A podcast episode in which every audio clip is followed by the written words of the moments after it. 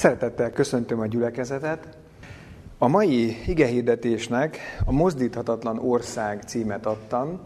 Ez a kifejezés a zsidókhoz írt levél 12. fejezet 28-as versében található. Az egész vers az így hangzik.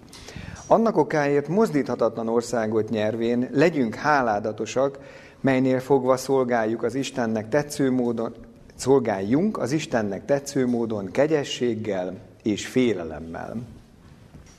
A levél szerzője már a 11. tehát a megelőző fejezetben, ha visszalapozunk, láthatjuk, hogy Ábrahámmal kapcsolatosan már a tízes versben, 11. fejezet tízes versében is egy alapokkal bíró városról beszél, itt egy mozdíthatatlan országot találunk, és ha tovább lapozunk a 13. fejezet 14-es verséhez, vastagon is van szedve, akkor pedig egy maradandó városról olvasunk, méghozzá abban a szövegkörnyezetben, hogy mert nincsen itt maradandó városunk, hanem a jövendőt keressük.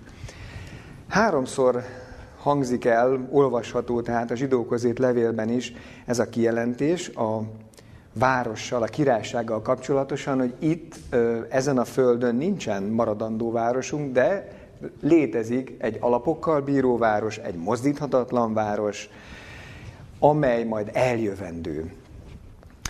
A, az alapigényben ez a mozdíthatatlan országot nyervén annyival pontosítható, hogy a mozdíthatatlan az egy olyan jelző, ami nem megrázható, ebben az értelemben nem mozdítható. Ha azt mondom, hogy földrengés, tehát nem rázható meg, ez egy olyan mozdíthatatlanságot jelent, ami semmilyen körülmények között nem tud elpusztulni, nem tud változni. Ez a, ez, a, ez a város, ez az ország, ez ebben az értelemben örök és nem nyerjük, mint egy szerencsejátékon, hanem ezt folyamatos melléknév igenével lehetne mondani, hogy megkapók vagyunk. Át adja nekünk ezt az, aki ez a város. Ez a város tehát van, és a miénk lesz. De, ahogy a 13, 13. fejezet 14-es versében olvassuk, hogy ez nem itt van ez a város, nem itt van valahol a földön, ahol ezt kereshetnénk és megtalálhatnánk, ahol ezt megkaphatnánk, hanem ez egy eljövendő város.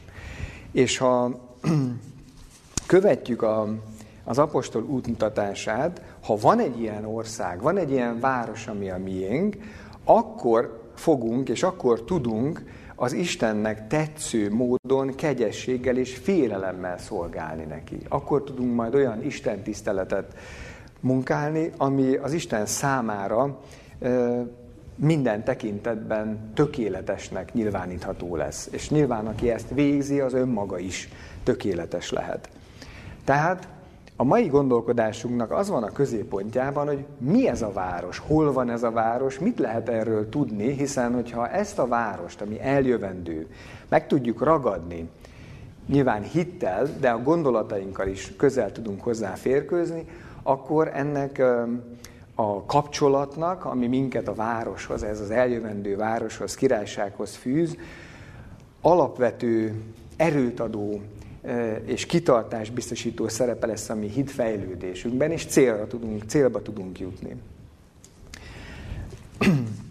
Közös gondolkodásunkban nagyon sok képpel és jelképpel lesz dolgunk, úgyhogy ez mindenkinek egyrészt érdekes lehet a fiatalabbaknak, akár a gyerekek számára is, másrészt természetesen kihívásokkal is terhes az ilyen gyakorlat. Hol olvashatunk a legtöbbet, a legtöbb információt, hol nyerhetjük erről a bizonyos eljövendő városról? Lapozzunk jelenések könyve utolsó két fejezetéhez, a 21-es és a 22-es fejezetekből fogunk erről a városról olvasni. Ahogy már kinyitjuk a Bibliánkat, látjuk a 21-es fejezet első néhány versében, a hetes ugye vastagon van szedve, tehát ha addig látható verseket megnézzük, itt is feltűnő, hogy nagyon sok ószövetségi hivatkozás van, különösen Ézsajás könyvéből láthatunk eh, hivatkozásokat, nyilván ezt a Biblia szerkesztői eh, találták így eh, fontosnak kiemelni, de van Ezékiel könyvéből is hivatkozás, Mózes től is van hivatkozás, tehát amit szeretnék mondani az az, hogy ugyan a Biblia legvégét olvassuk, de nagyon-nagyon sok ószövetségi hivatkozás van valójában itt egy egységes képbe szerkesztve, abban a formában, ahogy az apostol egyébként ezt a mennyei Jeruzsálemet, az új Jeruzsálemet ö, szemléli. Ugye az előző korok profétái ezeket részletekben láthatták és közölhették velünk. János apostol most egyben ad egy leírást erről a helyről. El is olvasom jelenések könyvének a 21. fejezetéből az első nyolc verset, és utána fogjuk végignézni, végig gondolni, hogy mit is olvastunk, hogyan írja le az apostol ezt a bizonyos új Jeruzsálemet. Ezután láttam új eget és új földet, mert az első ég és az első föld elmúlt, és a tenger többé nem volt. És én, János, láttam a Szent Várost, az új Jeruzsálemet, amely az Istentől szállt alá a mennyből, elkészítve, mint egy férje számára felékis, felékesített menyasszony. És hallottam nagy szózatot, amely ezt mondta az égből. Ímé az Isten sátora az emberekkel van, és velük lakozik, és azok az ő népei lesznek, és maga az Isten lesz velük, az ő Istenük. És az Isten eltöröl minden könnyet az ő szemeikről, és a halál nem lesz többé, sem gyász, sem kiáltás, sem fájdalom nem lesz többé, mert az elsők elmúltak. És mondta az, aki a királyi széken ült, ímé mindent újjá teszek, és mondta nékem, írd meg, mert te beszédek hívek és igazak. És mondta nékem, meglett. Én vagyok az alfa és az omega, a kezdet és a vég. Én a szomjúhozónak adok az élet vizének forrásából ingyen. Aki győz, örökségül nyer mindent, és annak Istene leszek, és az fiam lesz nékem. A gyáváknak pedig, és a hitetleneknek, az utálatosoknak, és a gyilkosoknak, és paráznáknak, és bűbájosoknak, és bálványimádóknak, és minden hazugoknak, azoknak része a tűzzel és kénkővel égő tóban lesz, ami a második halál. Ebbe az ünnepélyes és nagyon pozitív látványban bele tartozik, és ezért nem hagyhattam ki a nyolcadik verset, ahol a figyelmeztetéssel találkozunk. Ezt majd a későbbiekben is hasonlóan fogjuk megtapasztalni. De kezdjük akkor, nézzük végig ezt a, az első hét verset, hogy hogyan írja le, és mit ír le tulajdonképpen az új Jeruzsálemmel kapcsolatosan az apostol. Figyeljük majd meg, hogy már ebben a szövegben, ugyanúgy, ahogy a bevezető zsidókhoz írt levélből származó igékben, ott van az az ígéret, hogy aki ebben hisz, aki mindezt reméli, és az természetesen átalakul odabent, az fog ide jutni. Egy újabb buzdítás arra, hogy vegyük komolyan tulajdonképpen azt, amit olvasunk. Vegyük úgy, ahogy az Isten az apostolon keresztül közli velünk, hogy ez egy olyan valóság, ahova nekünk van meghívásunk, ahova ha ezt komolyan vesszük, mint egy mennyegzői meghívást, akkor törekszünk el is jutni. És a magunk részéről, ami ránk tartozik, azt megtesszük ezért a nagy-nagy ajándékért. Ugye az első két versben azt látjuk, hogy az apostol látja ezt a bizonyos várost, ami leszáll a mennyből, egy olyan földre száll le, ami egy újjá teremtett föld, az első elmúlt, ahogy olvassuk az első versben, és egy érdekesség is van még ezzel a földdel kapcsolatosan, hogy nincsen tenger ezen a földön. Talán nem annyira feltűnő, de azért tudjuk, hogy a Föld bolygónkat most több mint 70%-ban egyébként tenger borítja, nem is tenger igazából, alapvetően óceánok, amelyek áthatolhatatlan méretűek, ugye legalábbis emberi léptékkel, és a mélységük is félelmetes, bármilyen tengerjáró legyen az ember. A, a Bibliában is a tenger alapvetően egy félelmetes közeg, és az, hogy nincsen ilyen tenger, ami tehát ennyire ismeretlen, kiismerhetetlen, sötét lenne, és, és az embertől mindenképp idegen, ez is az újjá teremtett föld sokkal inkább emberbarátibb voltát húzza alá. Ezek után az apostol már arról beszél, hogy mit is hall. Ugye utána már kinyilatkoztatások következnek, miután látta a várost, meg ezt a új földet, amire a város érkezik. Mit tartalmaznak a szózatok, amelyeknek egyébként a kinyilatkoztatója is majd megnevezésre kerül az ötödik versben? Azt olvassuk a harmadik versben, hogy ímé az Isten sátora az emberekkel van, és velük lakozik, és azok az ő népei lesznek, és maga az Isten lesz velük, az ő Istenük. Ugye ez az Istennek a sátora az emberekkel van, különösen most így a szombatiskolai tanulmányunk fényében nagyon egyszerűen érthető, hogy az Isten közössége, közösséget vállal úgy az emberekkel, hogy ahogy aztán a folytatásban olvassuk, hogy nincsen semmilyen elválasztó közeg az Isten és az emberek között, velük lakozik, vele lesznek a népek, ő velük lesz, az ő Istenük. Hangsúlyozza a szöveg ezt a teljes közösséget, amikor már nincsen semmi, ami az embereket az Istentől elválaszthatná. Azért segít ezt nekünk értelmezni, hogy miről is van szó a négyes vers, ugye, hogy nem lesznek, nem lesz oka annak, hogy az emberek eh, könnyeket hullassanak, ahogy olvassuk, Isten eltöröl egész pontosan, ugye mire oda jutnak az emberek, azok, akik ebben az új Jeruzsálemben élhetnek, el fog törölni minden könnyet az ő szemeikről, halál nem lesz, ami ugye a bűn zsoldja, sem gyász, sem kiáltás, sem fájdalom nem lesz többé, mert az elsők elmúltak. Mindez a múlté. Mindaz, ami ezt okozta, a bűneset és a bűn történetekor már le van zárva, Ugye egy olyan világról van szó, amit megint csak nagyon nehéz elképzelnünk. Vannak töredékes ideig, óráig, különböző mélységek ható tapasztalataink, emlékeink, de azért a földi világban ezeket is nehéz összeilleszteni ahhoz, hogy valami tartósabb emléket, élményt tudjunk magunkban őrizni azzal kapcsolatosan, amit az Istennel már megtapasztalhattunk.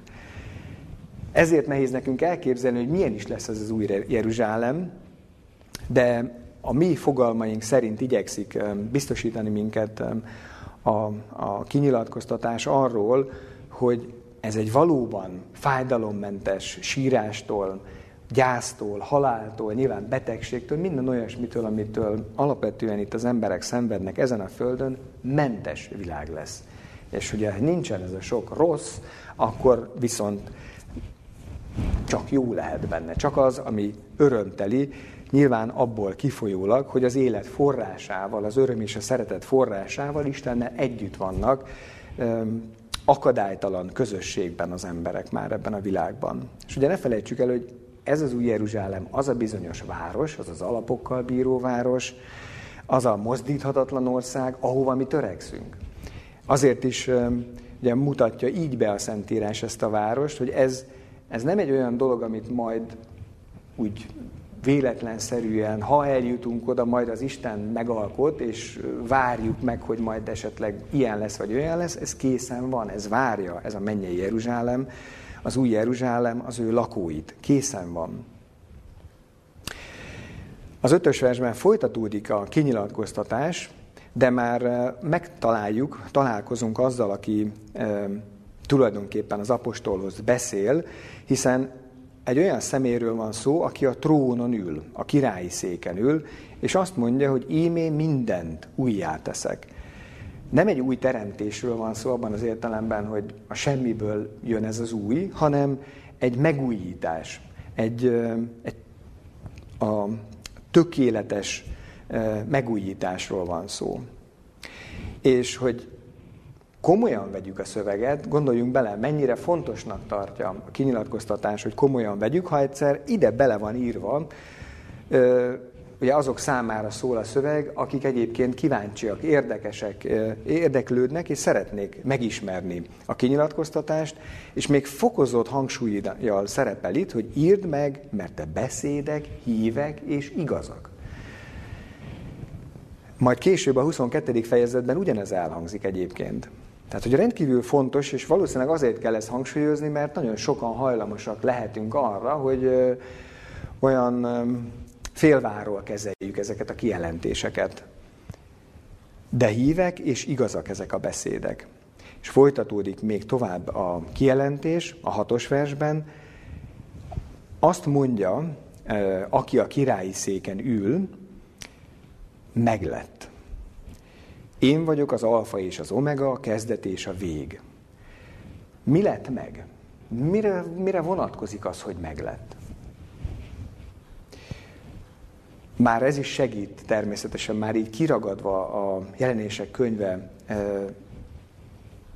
történet folyásából, az, hogy a királyi széken ülő mondja, és ha ezt mondja, hogy meglett, akkor a jelenések, ez pontosabban a János evangélium befejező mozzanata, Krisztus kereszthalálának a befejező mozzanata egész pontosan az, amikor Jézus azt mondja, hogy elvégeztetett.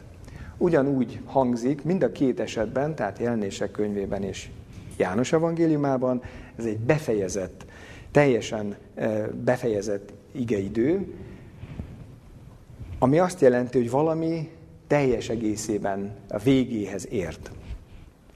A János evangéliumában Jézus szó szerint azt mondja, hogy célba lett víve. Ilyen értelemben van elvégezve valami. Valami a céljához ért. A megváltásnak a munkáját ő a kereszten az ő halálával célba vitte.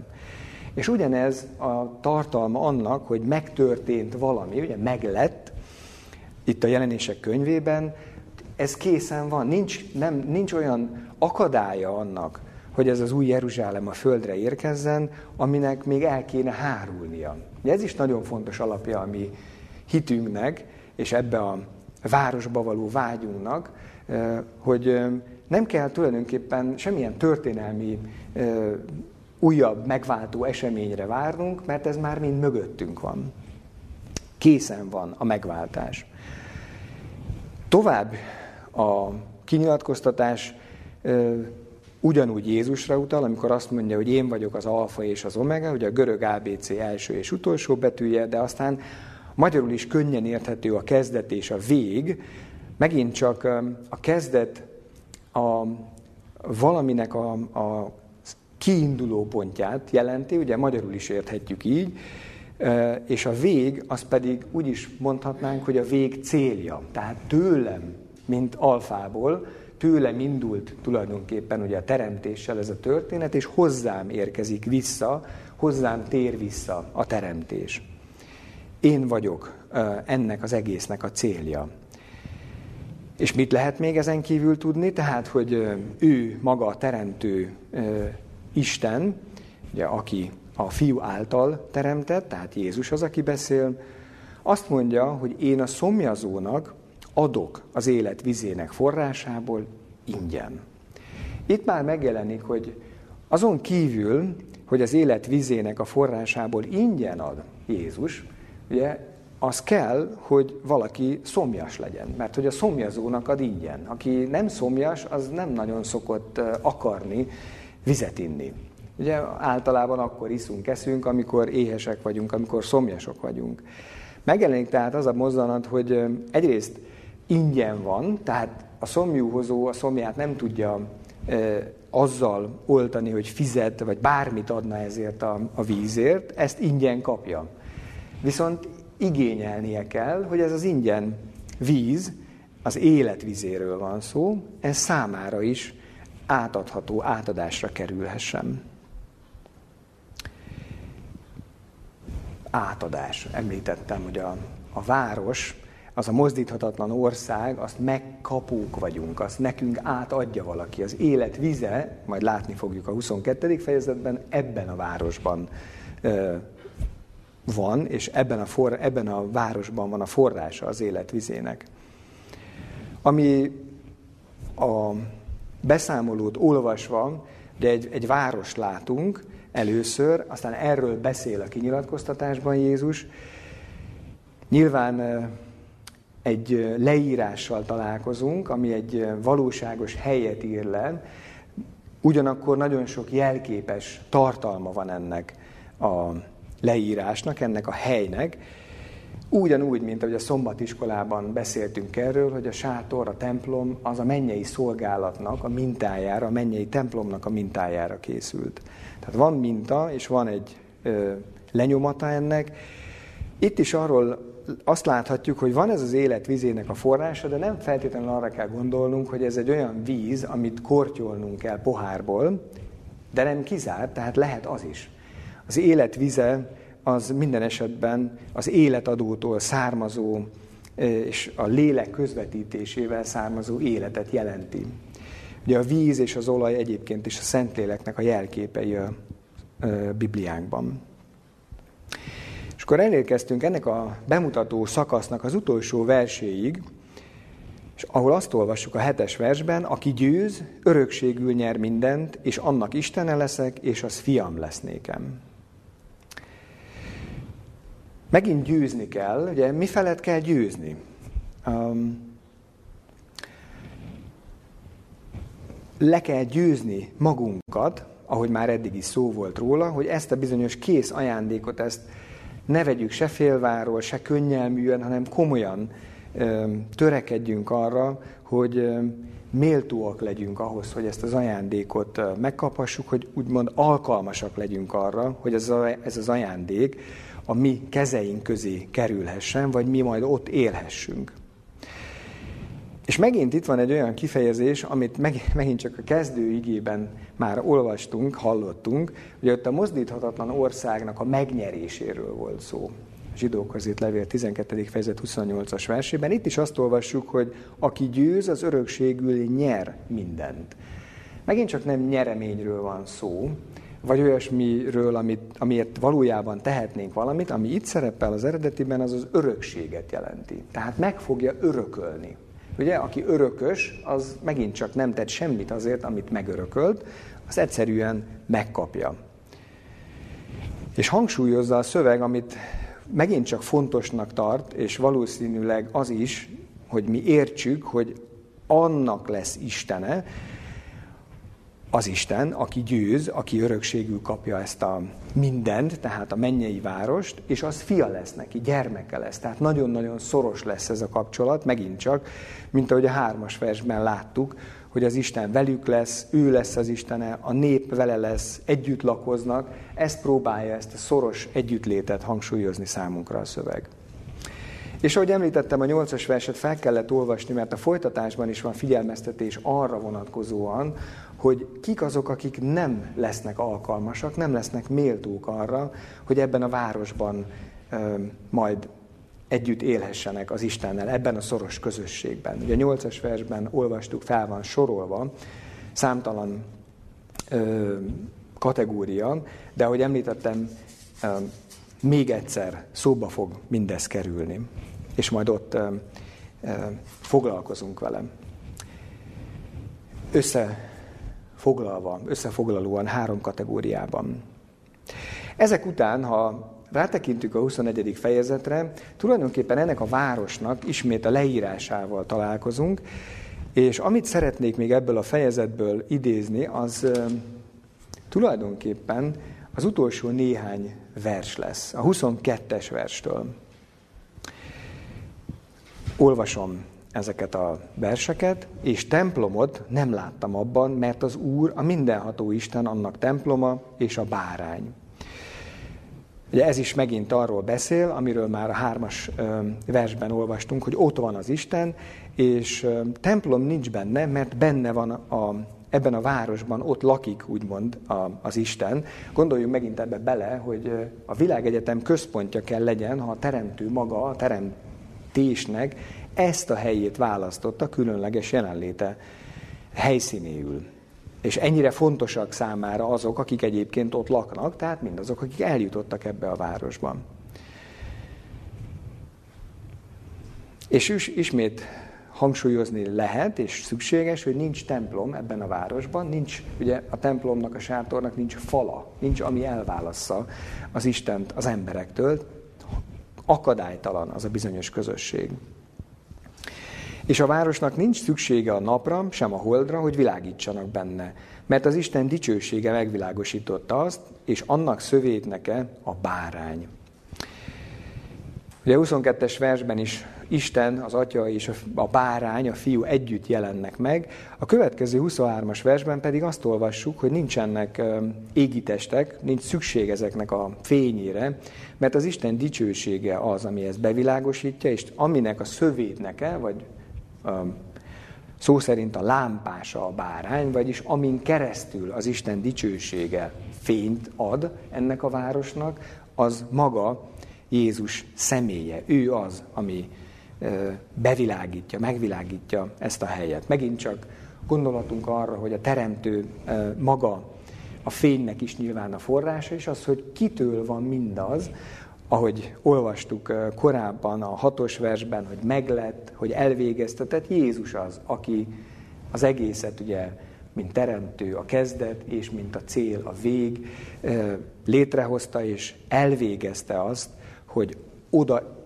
hozzá, vele együtt a Istennel való közösségbe kerülhetnek azok, akik ezt az ajándékot örömmel fogadják, akik szomjóhoznak erre az ajándékra. És a pogányok, akik megtartatnak, olvassuk tovább a 24-es versben, annak világosságában, tehát a bárány fényében járnak, és a föld királyai az ő dicsőségüket és tisztességüket abba viszik. És annak kapui be nem záratnak, nappal, éjszaka, ugyanis ott nem lesz. És a pogányok dicsőségét és tisztességét abba viszik. Itt megállok, mert itt a 27-es versben kerülnek elő megint azok, akik nem jutnak el ebbe a városba.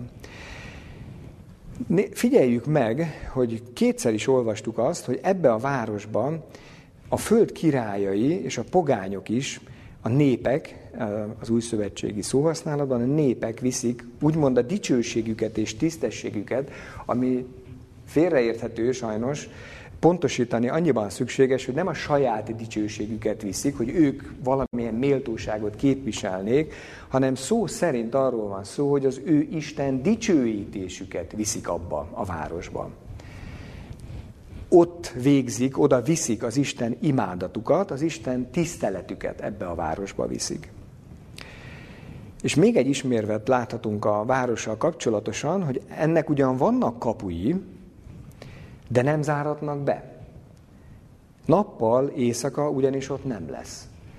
Logikus a folytatás, ugye, hogy ha egyszer ott van az örök Isten ebben a városban, ott van a lámpásként is funkcionáló bárány, akkor nincsen szükség, nincs lehetőség éjszakára, de gondoljunk bele megint ennek a tartalmába is. Azon kívül, hogy az Isten Istennel való akadálytalan közösségről van szó, arról is szó van, hogy nincs bűn. Nincsen fáradtság, nincsen szükség az éjszakára, hogy az ember megpihenjen, hanem folyamatosan aktív lehet. Nem lesz tehát senki sem fáradt. És akkor nézzük a 27-es versben, hogy kik nem jutnak ebbe a városba, és nem megy abba be, abba be semmi tisztátalan, sem aki utálatosságot és hazugságot cselekszik, hanem csak akik beirattak az élet könyvébe, mely a bárányé. Három olyan kifejezéssel találkozunk, ugye a nyolcas versben sok minden volt fölsorolva, de ez a három tulajdonképpen összesűríti azt, amit tudnunk kell figyelmeztetésképpen azzal kapcsolatosan, hogy kik azok, akik nem jutnak ebbe a városba. Az első, a tiszt, tisztátalan, ez egy jól érthető kifejezés, csak a szent, csak az Isten ö, személyéhez méltó, illő ö, dolgok és személyek juthatnak el ebbe a városba. Semmi közönséges tehát nem jut ide, vagy senki olyan, aki ö, ilyen közösséges dolgokat művelne, juthat el ebbe a városban.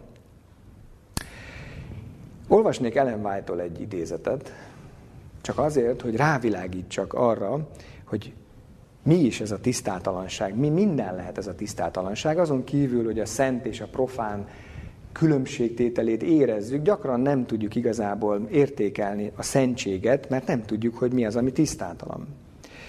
Ez a Review and Heraldból származik, 1902. június 10-i megjelenés, Isten, aki olyan szigorúan tisztaság szerető, hogy nem engedte meg Izrael népének, hogy a tisztátalanság szokásait ápolják, ma sem szentesít semmi tisztátalanságot népének otthonában.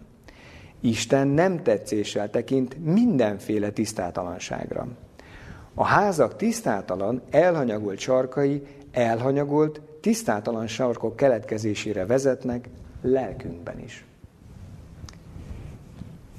Megint csak utalhatnék a szombatiskolára, emlékezzünk vissza, hogy milyen egészségügyi szabályokat, tisztasági szabályokat olvashatunk a szövetség könyvében, hogy a tábor maga tiszta legyen, mert azt mondja az Isten, hogy én közöttetek lakok, lakom, ezért nektek a tábort tisztán kell tartanotok.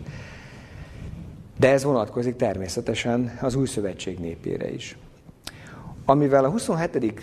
vers befejeződik a hazugság, vagy hamisság, aki hazugságot, vagy hamisságot cselekszik, ugye ezt is értjük. Ezt viszonylag könnyen, egyszerűen értjük. De mi a helyzet az utálatossággal? Hogy lehet utálatosságot cselekedni az Isten előtt? Mit jelent ez a kifejezés? Tulajdonképpen röviden azt kell mondanom, hogy a Biblia nyelvhasználatában ez a bálványimádást jelenti. De nem csak a formális bálványimádást, amikor Istennel, Istentől eltérő hamis isteneket imádnak az emberek, hanem más emberek imádatát és az önfelmagasztalást, ha mi magunk vagyunk valójában a bálványimádásunk központjában. A hagyományos értelemben vett bálványimádást értjük, azt hiszem, tehát hamis isteneket, amelyek közé tartozik a mammon is, ahogy Lukács evangéliumában olvassuk a hamis sáfárról és a gazdag és Lukácsról szóló két példázat között a 16. fejezetben, ugye maga Jézus is azt mondja, hogy nem szolgálhattok Istennek és a mammonnak, ahogy a farizeusokat megszólítja ezzel. És itt olvasunk arról, hogy mi is az a bizonyos önfelmagasztalásnak az utálatossága. Tehát nem szolgálhatok az Istennek és a mammonnak, de így folytatódik Lukás 16-14-ben, hallották pedig mindezeket a farizeusok is, kik pénzszeretők voltak, és csúfolták őt, és mondta nékik, ti, farizeusok vagytok, akik az emberek előtt magatokat megigazítjátok, de az Isten ismeri a ti szíveteket. Mert ami az emberek közt magasztos, az Isten előtt utálatosság. Tehát magatokat az emberek előtt megigazítjátok, felmagasztaljátok. Ez pedig utálatosság a, az Isten előtt.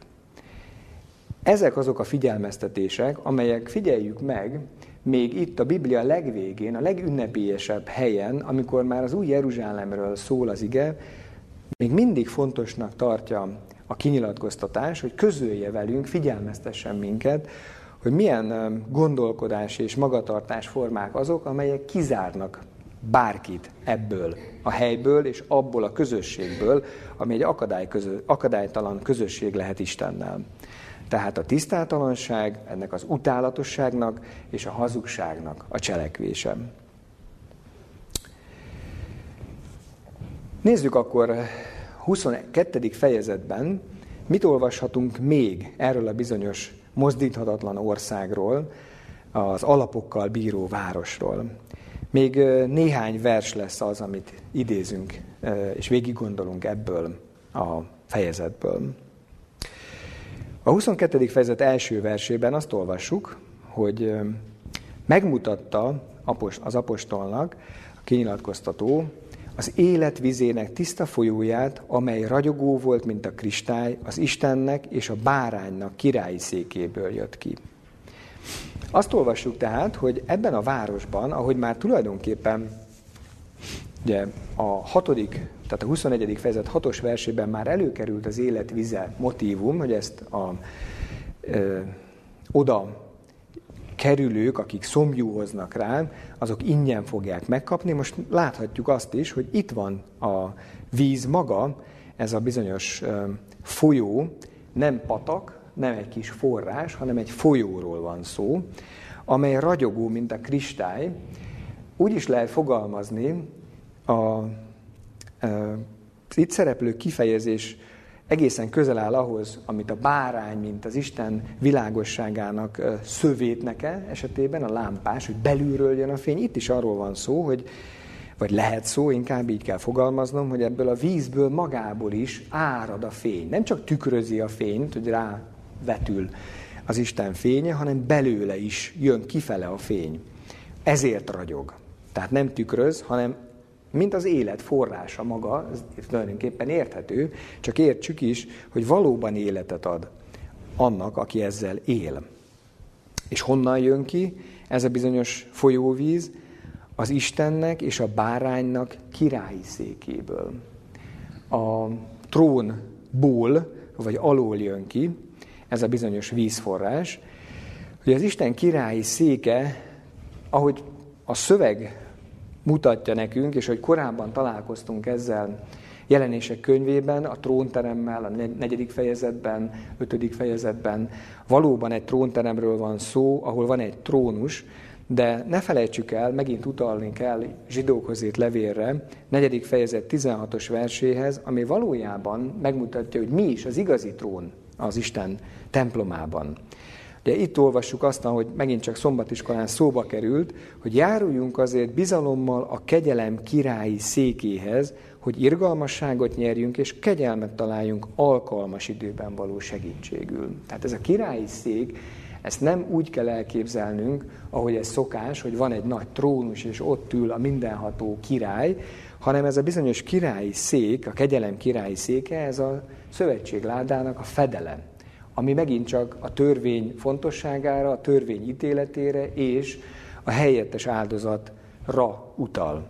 Ott van igazából, ahol az Isten valódi jelleme megtalálja a méltóságát, ahol Jézus helyettes áldozatát szemlélve, hogy szokták, sokan szoktuk fogalmazni, a keresztet szemlélve, valójában megismerhetjük az Istent, és azért, amit értünk tett, a teremtésben és a megváltásban egyaránt, azért valóban, ahogy olvastuk már korábban, az Isten imádatunkat, az Isten tiszteletünket, az Isten dicsőítésünket neki ajándékozzuk. Hálából mindazért, amit értünk tett. Tehát ebből a bizonyos királyi székből, ami egyszerre a e, trónterembe vett trón és a szövetségláda fedele, ömlik az élet vize, ahogy itt olvassuk, a maga valójában is, mint víz, és nyilván jelképesen is ebből származik az élet, amit most élünk, és majd az újjáteremtett földön élhetünk. De még nincs vége a leírásnak. A második versben azt olvassuk, hogy az ő utcájának közepén és a folyóvizen innen és túl életnek fája volt, mely 12 gyümölcsöt terem, minden hónapban meghozván gyümölcsét, és levelei a pogányok gyógyítására valók. Ugye ez az utca, ezt megint csak ne úgy képzeljük el, mint egy szűk, néhány méteres belvárosi utcát, hanem ez egy sokkal inkább egy, egy óriási tér, vagy legalábbis egy nagyon-nagyon széles út. Nyilván azért, mert tehát ez a kifejezés szerepel itt, mert ott nagyon sok hely van, nagyon sok ember számára. És az a bizonyos, ennek az utcának a közepén, ugye ott folyik ez a, ez a víz, és a folyóvízen innen és túl van az életnek fája. Az életnek fája egyes számban szerepel, és a szöveg is úgy mutatja be, mintha annak a folyónak a két oldalán lenne a fa, ami mégiscsak egy. Ezt úgy is lehet, és szokták is ábrázolni, hogy valóban ez a két részből álló fa össze fonódik, összenő egy fává. És valószínű, hogy egyetlen egy fáról van szó, de esetleg lehet egyébként úgy általános értelemben is az élet fájára gondolni. Abban az értelemben megint csak persze az élet fája, ha fáról van szó, a keresztfa nyilván egyetlen egy keresztfa volt, és egyetlen egy áldozat az, ami életet ad annak, aki a helyettes áldozatban hisz a saját megváltása és megigazulása értelmében. Mi az élet fájának valódi jelentősége, megint csak? Hol találkozunk először az életnek fájával? Ugye most már a Biblia legvégén vagyunk, az utolsó fejezetben, de hogyha a Biblia második fejezetéhez lapozunk, ott találkozunk először az életnek fájával. És a második fejezet 16-os, tehát Mózes első könyve második fejezet 16-os versében azt olvassuk, hogy parancsolta az Úristen az embernek mondván, a kert minden fájáról bátran egyél, de a jó és a gonosz tudásának fájáról arról ne egyél, mert amely napon ejendél arról, bizony meghalsz. Miről van itt tehát szó? Ki juthat az élet fájához? Az, aki engedelmeskedik Isten parancsolatainak, az Isten törvényének. Úgy is lehet fogalmazni, hogy az, aki összhangban van Istennel, az korlátlanul fogyaszthat az élet fájának gyümölcséből, amely, ahogy olvastuk, az élet vizének folyója mellett van, abból táplálkozik. Nyilván mind a kettő, ahogy a szöveg is bemutatja, életadó erővel rendelkezik, de a valódi lényeg, ami életet, az nyilván az Istennel meglevő akadálytalan kapcsolat, amiben az új Jeruzsálemben levők mind részesülnek, ugye még templom sincs. Azt látjuk tehát, hogy ez a fa itt korlátlanul hozzáférhető. Ez a víz itt, az újjáteremtett földön már korlátlanul hozzáférhető. És még valami mást is olvasunk a fával kapcsolatosan, azt, hogy 12 gyümölcsöt terem, minden hónapban meghozván gyümölcsét, és levelei a pogányok gyógyítására valók. Tehát minden folyamatosan terem, tulajdonképpen ezt akarja mondani számunkra a szöveg, ami érthető, ha egyszer az életnek a fájáról van szó. Ez nem olyan dolog, ami egyszer az évben terem, és egy jó ideig nincs belőle. Nyilván az élet Istentől, az örökkévaló Istentől származik, és így a jelképek, azok a e, közvetítő eszközök, amelyeken keresztül az Isten ezt kommunikálja, szintén örök életűek kell, hogy legyenek. Az élet vize, az élet fája. Tehát különböző e, gyümölcsöket hoz ugyan, de folyamatosan, 12, hónap, 12 hónapon keresztül, és levelei, megint csak népeket kell itt valójában olvasni, gyógyításra valók. Mit jelent az, hogy gyógyítanak a levelei? A, ezt sokan próbálják megérteni, hogy mit jelenthet a gyógyítás abban a közegben, ahol ez a fa ugye áll. Kiket kell ott meggyógyítani? Ezek az emberek, ezek a megváltottak már az újjáteremtett Jeruzsálemben vannak, tehát őket már semmitől sem kell gyógyítani, ők teljes egészében ugye az újjászületésüktől kezdve a bűnrehajló természettől is mentesek. Azt tudjuk tehát csak vélelmezni, hogy ez nem az ő gyógyításukra való, akik már ott vannak, hanem olyanok gyógyítására, akik még nincsenek ott. Vagyis a mi gyógyításunkra valók. És ha végig gondoljuk, hogy minek az egésznek a jelképrendszere, ugye az Isten től áradó élet, ahogy itt a folyóvíz, ami, ami valóban nagy mértékben, nagy méretben érhető el. Ott van a fa, ami megint csak nagy és bőségesen, folyamatosan gyümölcsöket terem. Ezek jelképezik az Isten életadó erejét és szeretetét, amivel ezt mind ingyen adja. Számunkra is, most is. Tehát ugye ez ugyanaz a gondolat, amivel találkoztunk már a bevezetőkben, a zsidókhoz írt levél gondolatai között, hogy ez a bizonyos város, amit Ábrahám már látott, ahova mi törekszünk, ez már létezik.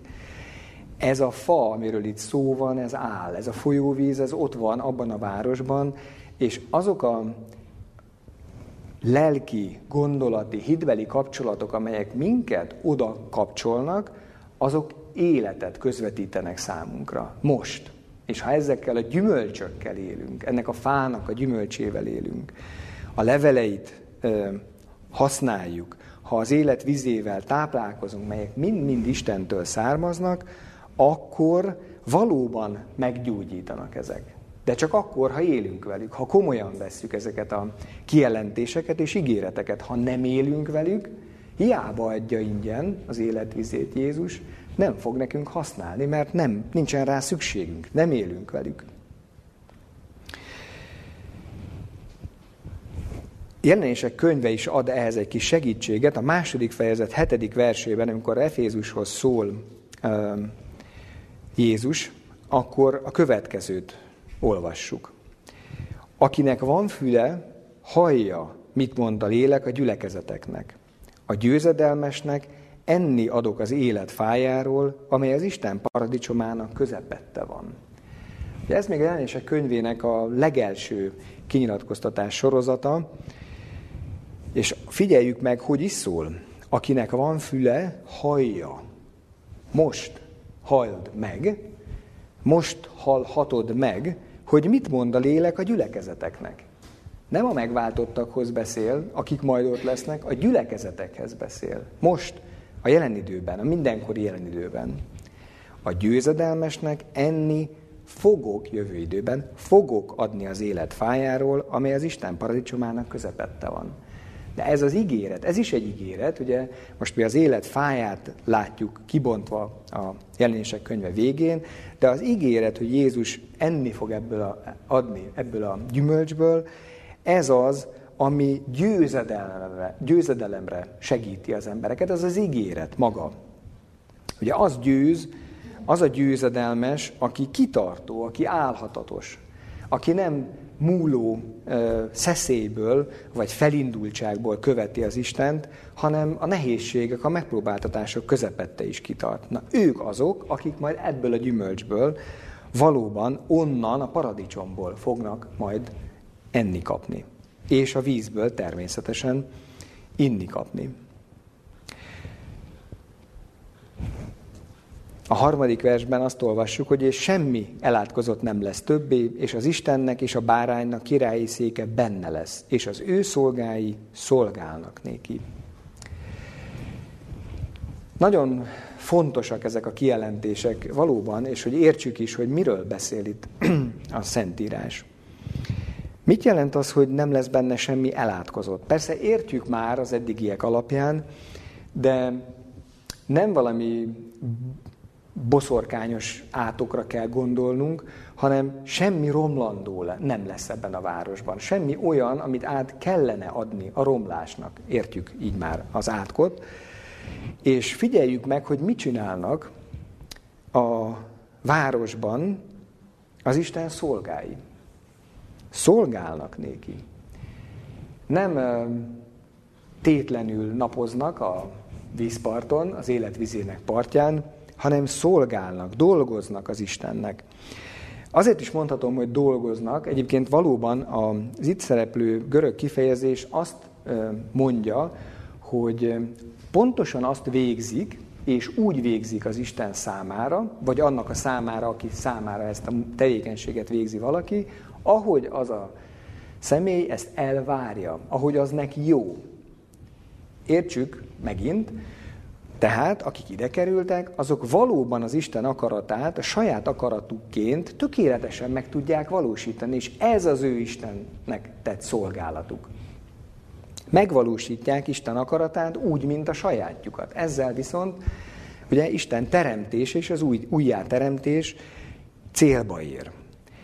Ugyanez a kifejezés található a Mózes második könyvében, mondom a pontos ige helyet, harmadik fejezet 12-es verse, amikor Mózesnek azt mondja az Isten, hogy majd kijöttök oda Egyiptomból a hegyre, és nekem fogtok szolgálni.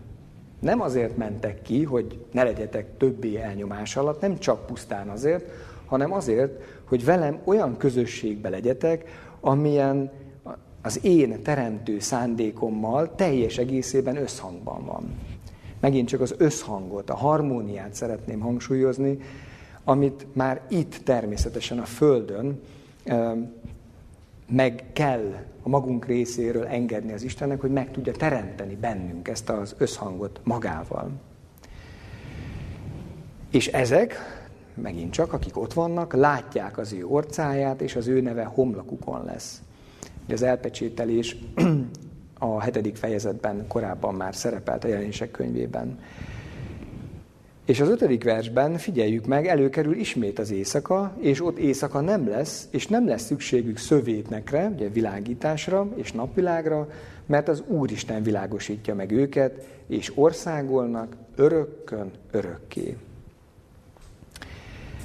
Nagyon röviden áttekintve azt, amit eddig végig gondoltunk így az idézett versek alapján, 21-es, 22-es fejezetekből, egy olyan kép is fölsejlik bennünk, hogy az, amit a Teremtés könyvének, Mózes első könyvének az elején olvasunk a Teremtésben, az itt mint egy ö, visszafele ö, helyre van állítva.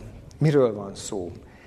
Először olvasunk a jelenések könyvében az élet vizének tiszta folyójáról. Ez Mózes második könyve tizedik fejezetében az Édenből kifolyó víz képében jelenik meg. Utána olvasunk az élet fájáról, ami a második fejezet kilences versében ö, szerepel, ugye megjelenik, tehát mind a két helyen van víz, és van élet, életnek fája. Aztán olvasunk a jelenések 22.3-ban, az imént olvastuk, hogy semmi elátkozott nem lesz ezen a helyen. Ugye, hát a bűneset kapcsán olvassuk, Mózes első könyve, harmadik fejezet, 14-es versében, hogy mivel, hogy ezt cselekedted, átkozott légy. Sőt, a 17-es versben átkozott legyen a föld te miattad. A négyes versben olvastuk, itt a 22. fejezet négyes versében, jelenések könyvében, és látják az ő orcáját. Mózes második könyve, 33. fejezet 20-as versen, amikor már a néppel kapcsolatosan, ugye Mózes fönn van a hegyen, Orcámat azonban mondta, nem láthatod, mert nem láthat engem ember élvén. Itt pedig a teljes helyreállítás, látják az ő orcáját. És amit már néhányszor, kétszer is végig gondoltunk, az éjszaka az ötös versben, 22. fejezet ötös versében, hogy, hogy éjszaka nem lesz. Ha visszalapozunk a teremtés történethez, akkor nem voltak égitestek a teremtés elején, mégis volt világosság, a, az Isten teremtő szavával e, hozta létre, vagy adott világosságot a teremtésnek.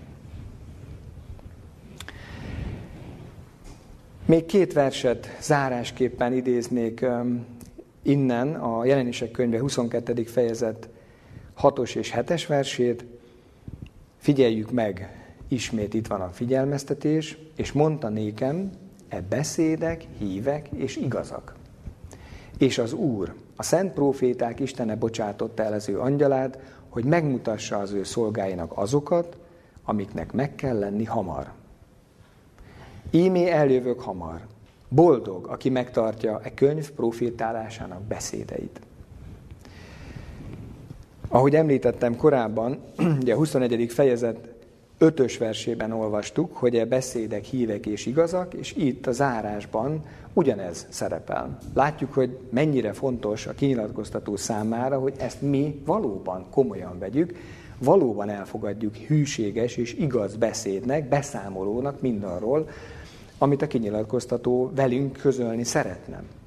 Ugye ez a rész talán a leg mai szóhasználattal élve fantasztikusabb része a Bibliának, itt a vége, az új Jeruzsálem, az új teremtés, hogy ez hogy fog kinézni, és kétszer a bevezetőben és a végén is elhangzik, hogy ez a hűs és pontos és igaz leírása annak, amilyen ez a hely lesz, és azoknak, akik oda eljuthatnak. A hetes versben ugye azt olvassuk, hogy boldog, megint csak áldott, Isten től áldott, ezért boldog, aki megtartja egy könyv profétálásának beszédeit.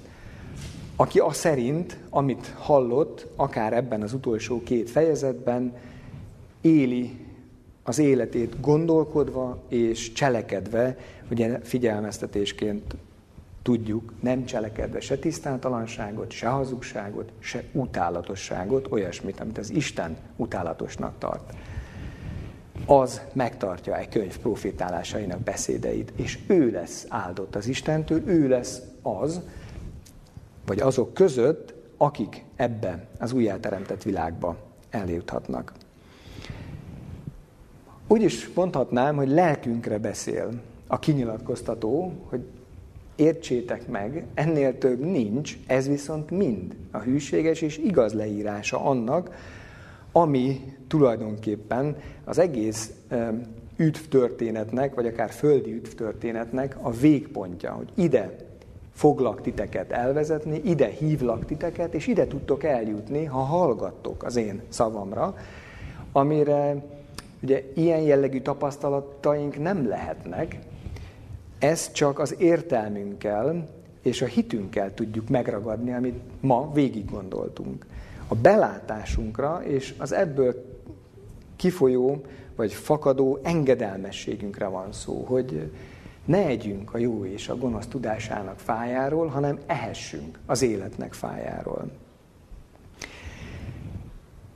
Két példabeszédekből származó igen nagyon jól világítja meg ezt, és rendkívül tömören foglalja össze mindazt, amit a mai ige hirdetésben végig gondolhattunk.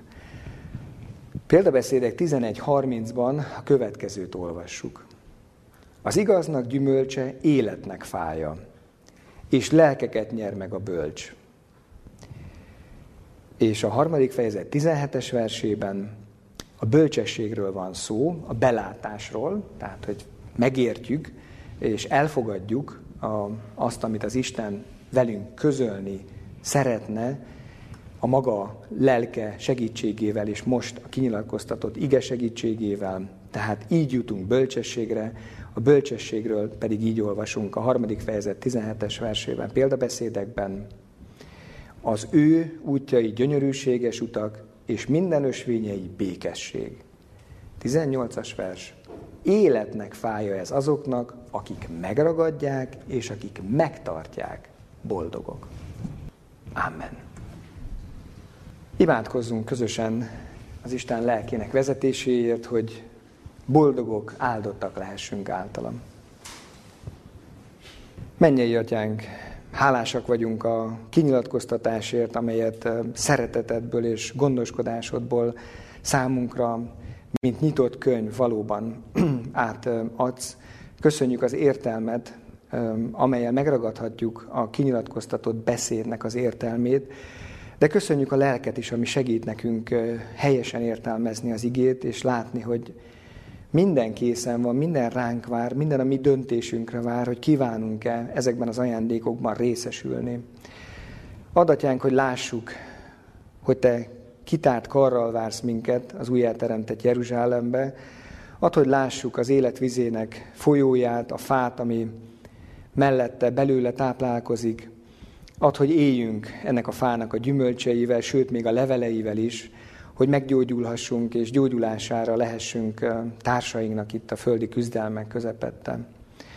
Adatjánk, hogy útközben, a küzdelmeink közepette is megtapasztalhassuk a kegyelmedet, hogy legyenek olyan élményeink, amelyek már ebből a városból származó életnek az ízét, a lelkületét mutatják meg számunkra, és ad, hogy hatékonyan úgy tudjunk szolgálni téged itt e földi világban, ahogy azt te majd ott is elvárod tőlünk, hogy valóban a te akaratodat cselekedjük, és úgy cselekedjük, ahogy azt te szeretnéd. Ehhez kérjük a vezetésedet, a védelmedet, oltalmadat a következő hétre is. Jézus nevébe szóltunk mindezekért. Amen.